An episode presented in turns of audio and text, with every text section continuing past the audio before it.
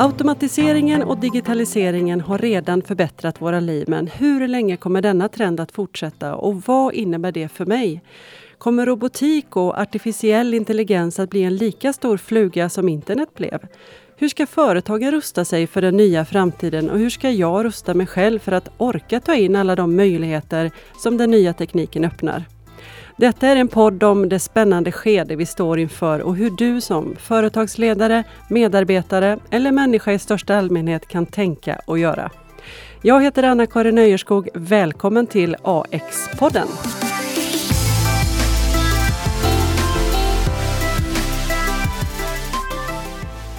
Today's guest is Mr. Devdatt Dubashi, professor at the Data Science Division Department of Computer Science and Engineering at Chalmers. At your profile on Chalmers website, one can read that your main interests are in design and analysis of randomized algorithms, machine data, learning, and so on. And my reflection is that you are passionate about your job.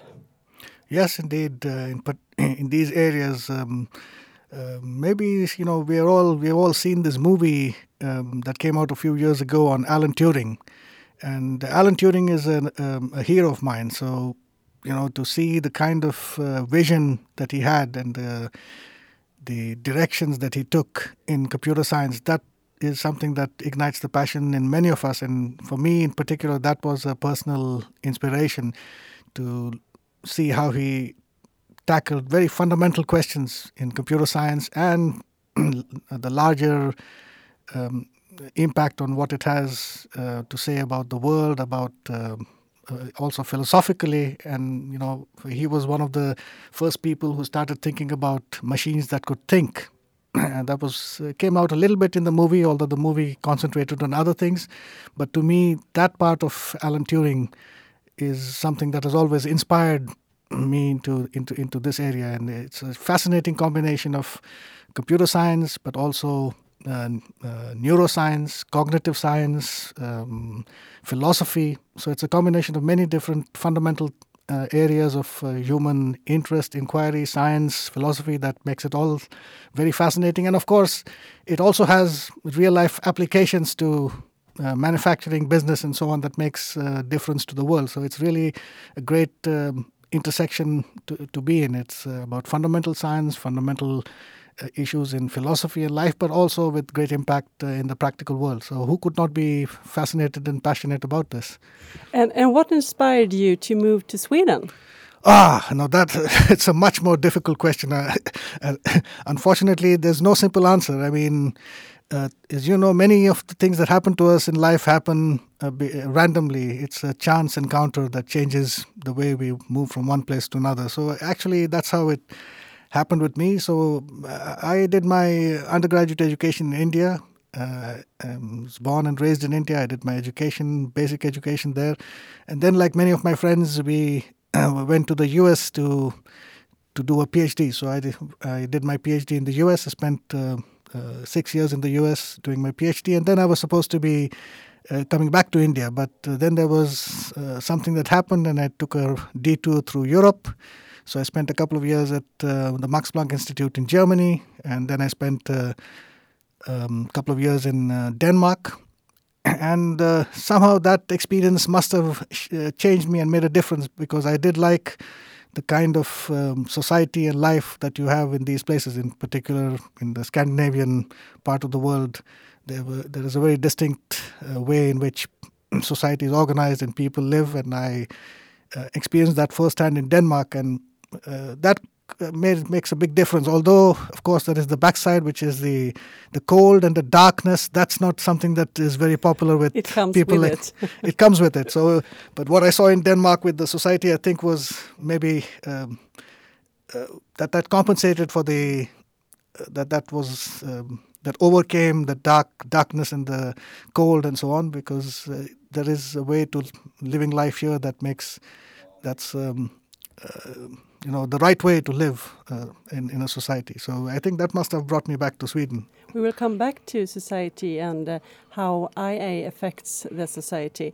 But let's start with initially uh, explain AI and the concepts of machine learning. What is it and what does the development looks like?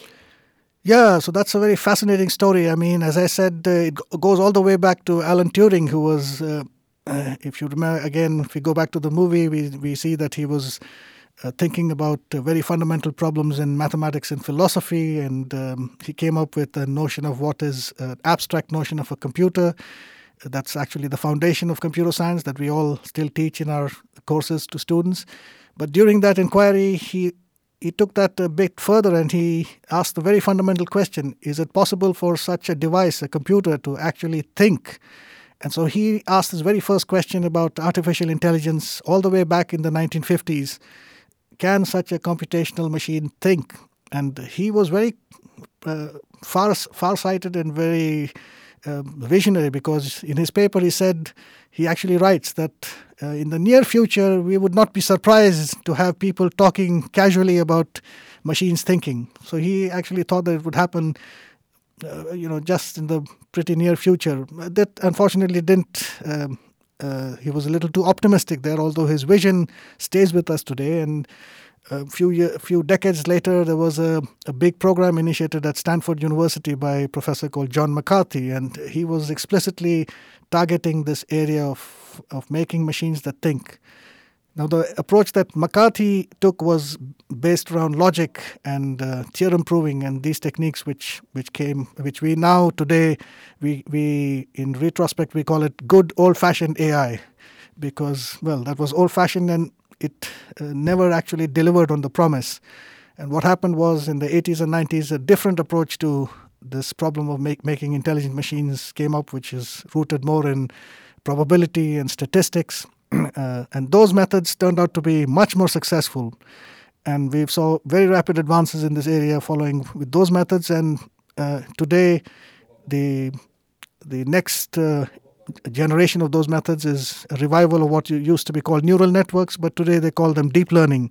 And those methods have turned out to be extremely successful, amazingly successful, that we all see in everyday life around us. Um, we see these stories every day about how it has uh, changed uh, so many aspects of, of business, of life, and so on. Uh, we use that technology every day. So yeah. Yeah, we heard all these different descriptions of AI, uh, the new electricity and second machine age and, and so on. Is it important to us to, to give it uh, labels on AI? Um, so I, uh, I guess the, the, the description is very evocative. I mean, the the term um, new machine uh, or the the term new electricity is used by Andrew Ng, who is a, a, a pioneer in, in machine learning today.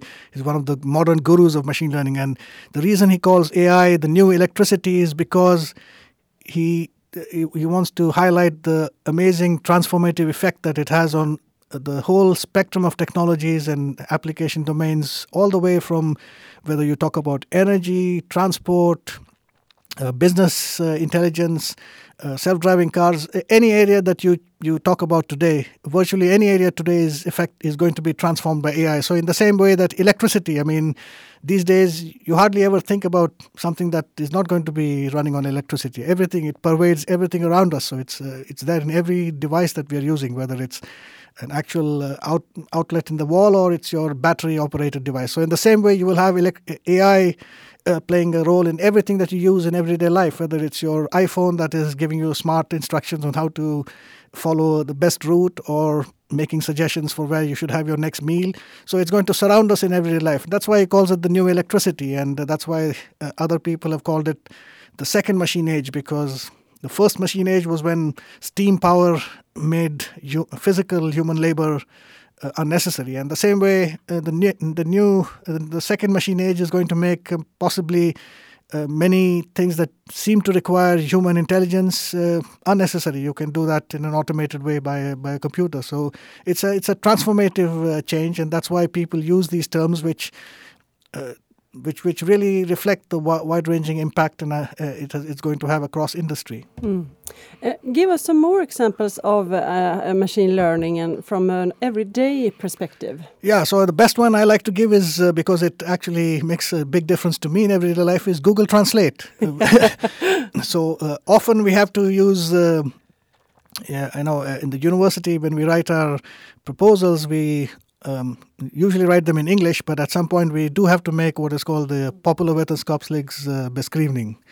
So I have to write a short, a short version of that for the popular public, and it has to be in Swedish. And uh, despite the fact that I've been here for a while, I still don't trust my Swedish very as much as I should, maybe. But for me, the easiest way to do that is to write it in English and put it into Google Translate, and out comes something that is remarkably good. It may not be perfect, but it's very good, and I can use that uh, as a base with a slight change to make a, a, a fully uh, functional description. So, and this uh, technology is used by you know all of us in our everyday life, uh, whether it's some people like me might use it to go from English to Swedish. Maybe you might use it to go from Swedish to English, and uh, it, it's uh, something that obviously you can see that it makes a big difference to many things that you do in everyday life. It maybe it's not this as good as a human translator yet, but it's remarkably good.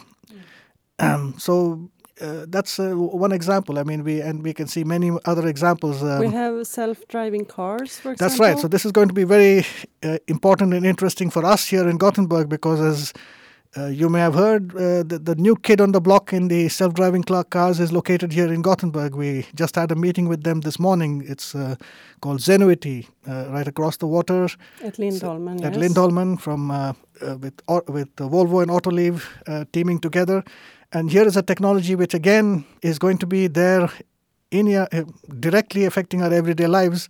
Volvo has been um, uh, promising that these cars will be on the road in Gothenburg in, in the in the very near future, in a year or a couple of years.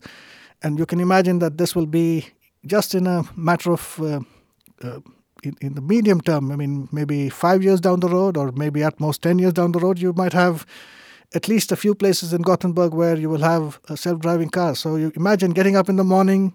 You don't have to worry about uh, um, you know, rushing for the tram. You have a, a, a self-driving car that's waiting for you downstairs. You sit in it, and you don't have to worry about being stressed in the traffic. It will take you to your destination where you can relax in the car and concentrate on other things. So you can imagine it's going to change a lot of things about how you uh, live your everyday everyday life. Mm. Sounds like a good dream for us living here. Yeah, right. in the big cities. Yeah, especially those of us caught in the traffic coming in. Yeah. Uh, and when it comes to the industry sector, I guess we can expect that AI will transform industry across the whole spectrum.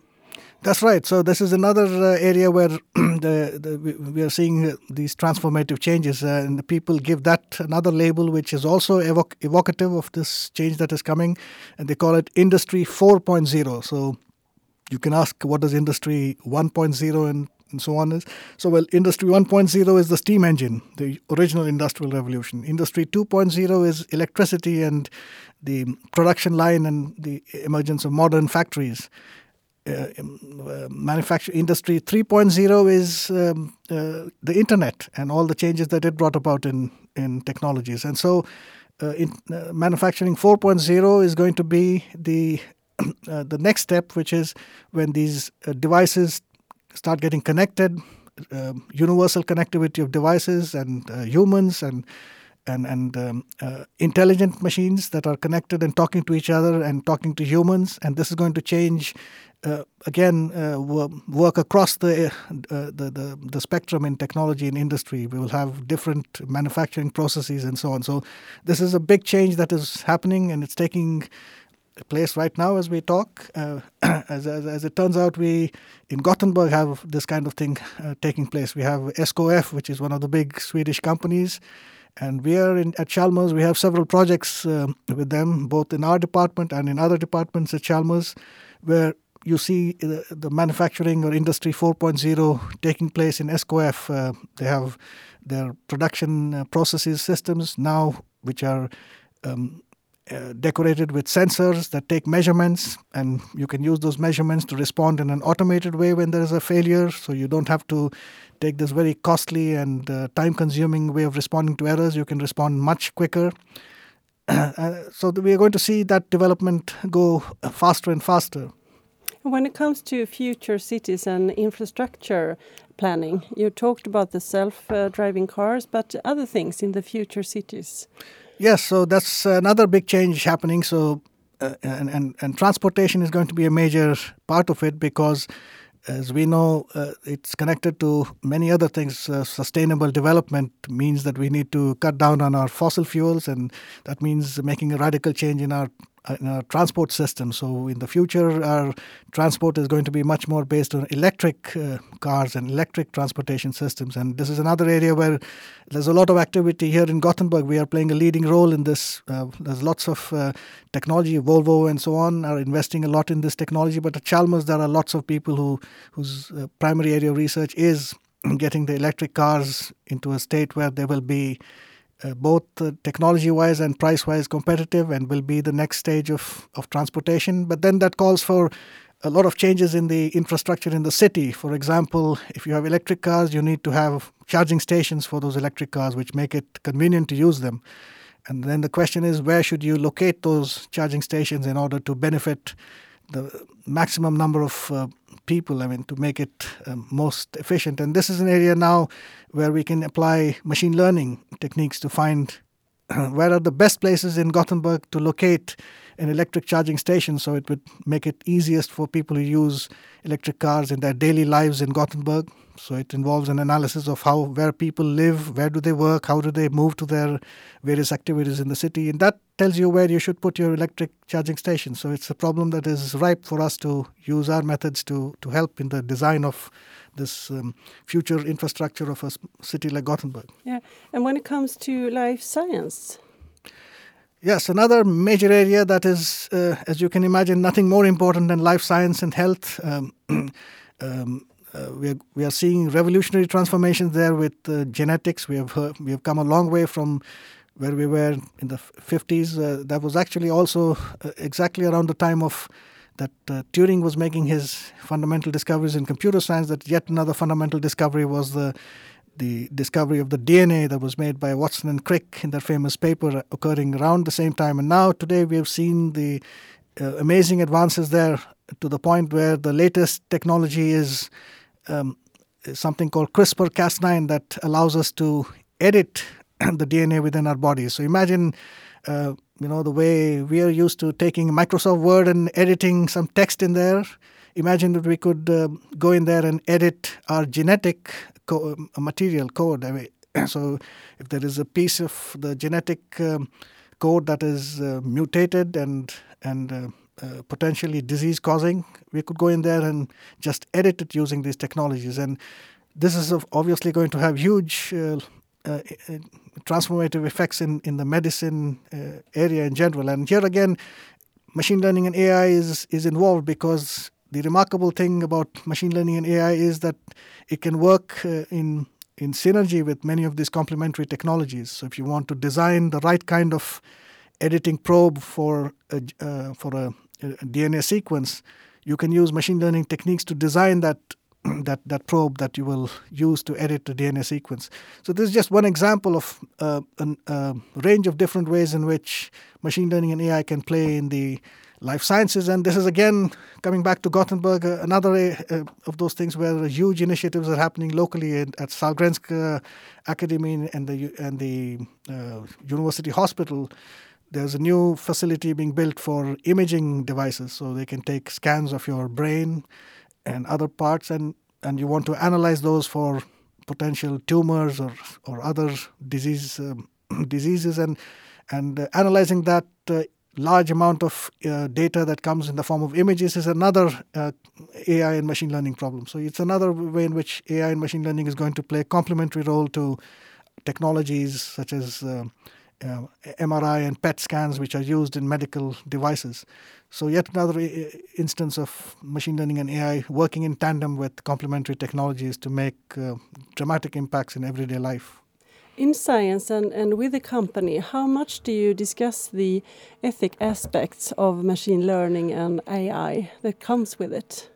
Uh, indeed. So now there is uh, this aspect is becoming more and more important as uh, everybody in in the uh, in the public has has seen these headlines recently about what happened with the uh, leakage of data in Facebook to to Cambridge Analytica and that was already causing concern, but you can imagine that there could be even more uh, serious consequences of leakages. For example, your personal health data may be leaked from your hospital records where only the hospital was actually supposed to see them. And if that gets leaked to other parties like insurance companies, that could have uh, very negative consequences.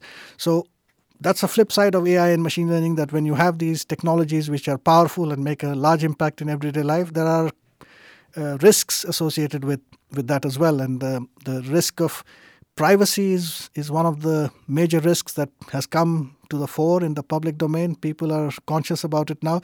But it turns out actually that um, uh, we can um, you know boast a little bit and say that we at Chalmers we anticipated this kind of thing many years ago, even before it was really in the public uh, consciousness. So we, we had a research project we've been running for the last five years on, on machine learning and applications in various areas. And we had identified privacy concerns as one of the important aspects of that uh, when we started doing this five years ago. So we were conscious about that and we, uh, as a result of it, we are much better prepared in our research group. We've developed developed a lot of methods for privacy enhancing technologies which work together with machine learning, and these kinds of things will becoming uh, will become more and more important in these application areas. Uh, that's part of the ethical concerns. There are other ethical concerns also about uh, using machine learning and AI.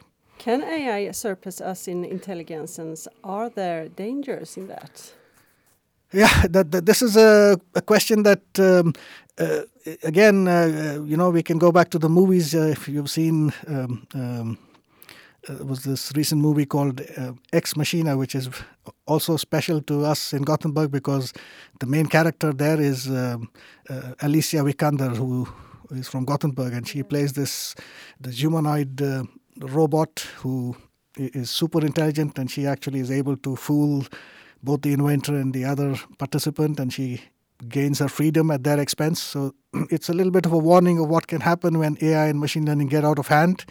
It's a very nice uh, movie, but uh, but from my point of view, that kind of danger um, is a little bit too far off in the future. It's nice as a movie making. It's it's nice for us to watch movies, and it's interesting to talk about that like that. But in terms of the science and technology, we are we are very far away from that stage. And when people like uh, Elon Musk is a is a is a prominent person who has been uh, talking a lot about this in the media.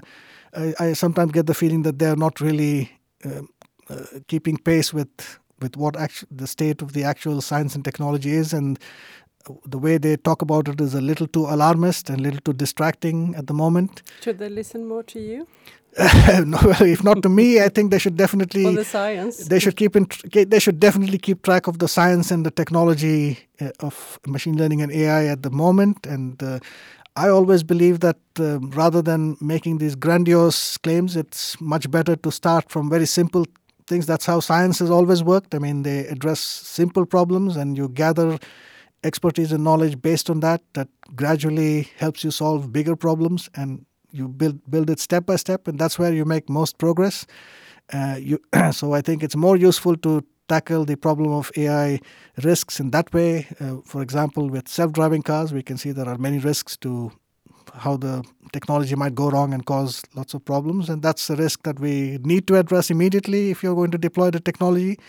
And when we learn about that, uh, we will learn about other more complex problems how to respond to that with AI. We will build our knowledge in that stepwise fashion more concretely rather than in, in speculative uh, jumps. And I think we make most most progress in, in that way. Mm. Uh, and automation and jobs will machines uh, displace us, or can humans dance together with robots? Yes, I think for me this is um, for me this is a much more important question that we need to address now because we see both the opportunities and the possibilities, but we should be also cognizant of the flip side. So we see that many processes are being automated because of machine learning. Self driving cars is only one example. We've seen many other examples where um, many things that um, could where, where humans were required uh, are no longer required to do. For example, um, in the medicine domain, I mean, we had ra- radiologists who was who scan images to look for tumors and so on. We had qualified doctors looking at these pictures to look for that. But now, maybe that's not going to be necessary. We can do away, away with the human in the process. A, a, a, machine learning algorithm can look at a image scan and automatically detect if there is a disease tumor in there. So we're going to see this process across all the industry that AI and machine learning techniques are applied to, and that will of course have an impact on jobs. So we're going to have uh, a disruption of the job market, and some people have carried out studies. Uh, there was a study carried out uh, in in Sweden by uh, uh, a well-known Swedish national economist, and his report estimated that up to something close to 50% of the present jobs that you have in Sweden, the 50% of those jobs are simply going to disappear in the next 20 years. And that's a major change. I mean, in 20 years, if 50% of jobs are completely automated, that's going to have a major change in, in society. What uh, what are what are human beings? What are people going to do, and how is it going to? Where are people going to earn their livelihoods? So we need to address that question. Uh, and uh, to who? To who should we address that question? Uh, that's a good. That's a good point. I mean, this is obviously a question that is not uh, going to be solved only by technology people like uh, maybe me and other people in the industry. It's a much more wide-ranging conversation that you should have people, who, technology people, of course, but you should have uh, economists in, in the discussion, you should have sociologists in the discussion, you should have humanities people in the discussion, you should have a wide ranging conversation with many different types of of, of areas. And of course, political leaders and decision makers, they should be in the discussion. So it, it needs to be very wide ranging and deep discussion on this. And you need to take measures. Uh, these are measures that decision makers and pol- politicians uh, need to take to respond to this so that the results can be of benefit we, we, we can chart, I mean, there are two possibilities. On the one hand, you can have a dystopian scenario where things get out of hand and people just dis- get displaced from their jobs and have nothing else to do. And that's a very dark and disturbing uh, development. On the other hand, if you plan for it, you could reap the rewards. I mean, imagine that. Uh, uh, you and I, you know, don't have to go to work. I mean, what could be nicer than that? We are not forced to get up in the morning to do I something. I love to go to job. well, but but something that you really like to do. Yeah. So and, and that question. you have the freedom to do it in the way you want to do it, and it can liberate you from from many things. It, allows you to be much more flexible if you're not, uh, you know, many things that could be automated and run by machines uh, frees up your time to do something more that that is creative, that is different. So it it could expand the possibilities, but for that, uh, it needs to be planned. In my uh, view, this is not something that's going to happen automatically. You have to set in processes that make make sure that you have a future that takes reaps the benefits of this development rather than the alternative, which is dystopian. Uh, which are the challenges when it comes to understanding and communication between computers and humans? We talked about the dance between the robot and human. Yes, so there are many challenges there. For me, one of the major challenges which uh, we uh, in our research group at Chalmers are involved in is natural language technologies. So, uh, if we want to have a, a, relationship which is, as we, as you said, we want to dance together with the robots, then there must be a way that we can communicate with them in, in a way that we both understand each other. And of course, for humans, we speak natural language, and so we would like to communicate with robots also in natural language, which means that uh, machines and robots have to understand natural language. And you can imagine that this is an extremely difficult problem. I mean, natural language is one of the most difficult things that. Um, uh, complex problems that that one could imagine. I mean, uh, the, the language we use has lots of nuances it's um, if we talk about the bank in English, uh, the bank could be the place where you get money, but it could also be the river bank, and these have com- completely different meanings. And so, natural language is full of this kind of complexity that depends on the context in which it is used. And uh, I have to say that despite the earlier example I gave of Google Translate, uh, Google Translate seems to do a very good job of uh, of uh, changing some text from English to Swedish, but I can tell you that it actually doesn't understand the text at all. So there is no understanding at the level that humans understand natural language that allows us to really uh, understand something about the world and to reason about it and think about it and and and uh, take appropriate responses. So we will need to develop natural language technologies much much more if we want to go towards this future where there is a, a communication with robots that is meaningful and, and so on. So we're just at the baby steps in this direction today, I would say. Yeah, let's talk about the baby steps. As a company leader, do you have some advice for me as to where to begin uh, to get closer to AI? How should I start? Uh, this is a transformation that lots of companies today are doing, uh, uh starting from these big companies like Volvo. And um, so, Volvo, for example, today they describe a car as just a computer on wheels. So they changed their entire view of what their company is doing, and uh, the and the, what they're doing in response to that is they are setting up uh, uh, specialized uh, uh, departments in in their organizations that focus on on data science, machine learning, and these things. So it demands first of all the first step is a re-education process to understand these new uh, areas and to gain competence and expertise in them so that you can then take it back into the organization and, and deploy them in various parts of the organization. So, one, uh, for me, the important first step is the education. And for that, uh, there's a special responsibility for people like us at the university that uh, to, pro- to provide these courses that, that train people both at the uh, new undergraduate level. I mean, we have new students who are um, coming into our universities and who will take these courses, but also maybe some retraining and people from organizations from Volvo who were doing, uh, you know, some um, working in a uh, in their previous uh, mode of work, they could perhaps come back to take some courses in these new technologies to uh, learn something about machine learning and AI that they can then take back and change the way they're working inside the organization. So I think for me, the fundamental first step is this education and retraining to understand these technologies better. Finally, if you look into the future, how will the AI period be described in the history books? That's a good question. Uh, let's. Um, um, I mean, we could imagine that uh, you know you, you uh, let's look at Gothenburg in 2080 or so on, and people you know might look back and look at how primitive uh, we were uh, in 2010, 2020, how primitive we were with our way of living, uh, how ineff- inefficient and how strange that they were doing th- these things in, in this in this way, whereas they could when we could have done it so much better. Uh, how constrained they were in their working rather than living this very free life that we live today. Uh, you can imagine people in 2080 talking like that about us uh, who think that we live modern lives today. So obviously, this is history uh, throughout ages. Uh, we have always had this development where we people uh, some some changes are so rapid that within 50 years you can they're completely unrecognizable from what they were 50 years before, and I think that will continue to be the case in the future. Thank you, Mr. Devdatt Dubhashi, for visiting AX-podden. Thanks a lot, Annika.